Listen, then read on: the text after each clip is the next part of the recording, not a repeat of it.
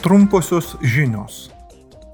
Vakar per plenarinėje sesijoje vykusią diskusiją Europos parlamento nariai kartu su komisijos nare Ilva Johansson ir Ispanijos valstybės sekretoriumi ES klausimais Paskaliu Ignacijo Navaro Rijosu aptarė poreikį imtis ES masto veiksmų užtikrinančių paieškos ir gelbėjimo operacijas Viduržemio jūroje.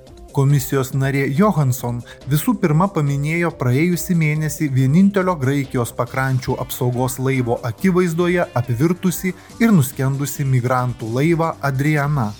Per šią katastrofą žuvo daugiau kaip 600 migrantų. Ji sakė,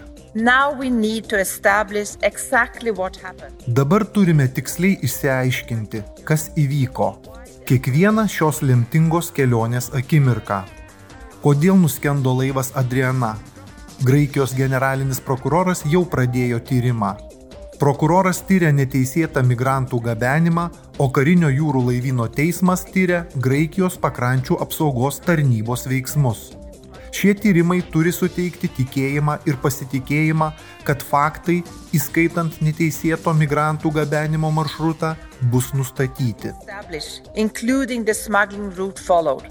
Ispanijos valstybės sekretorius ES klausimais Navaro Rijosas daugiausia dėmesio skyrė ES šalių susitarimui dėl naujos migracijos politikos. Jis sakė,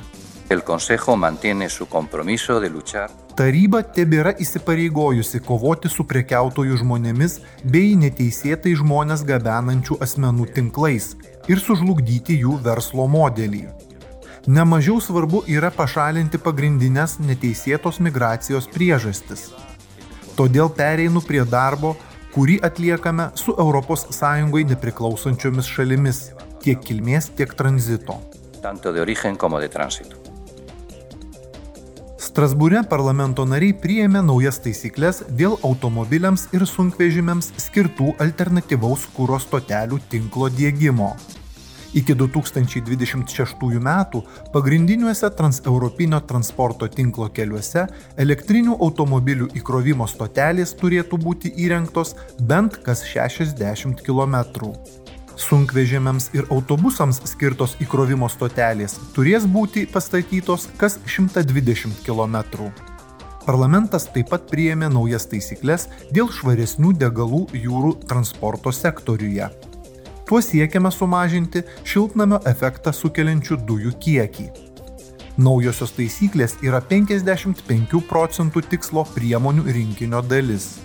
Šiuo dokumentų rinkiniu siekiama iki 2030 metų šiltnamio efektą sukeliančių dujų išlakas sumažinti bent 55 procentais, palyginti su 1990 metų lygiu.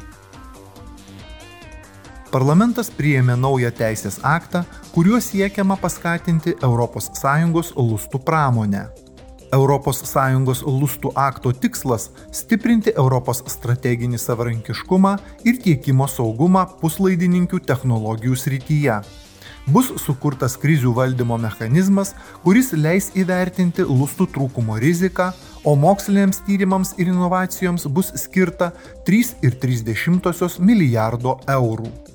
Be to parlamento nariai pritarė nuostatoms dėl tarptautinio bendradarbiavimo su strateginiais partneriais stiprinimo ir nuostatoms dėl intelektinės nuosavybės teisių, kuriomis siekiama užtikrinti ES puslaidininkių sektoriaus konkurencinį pranašumą ir apsaugą.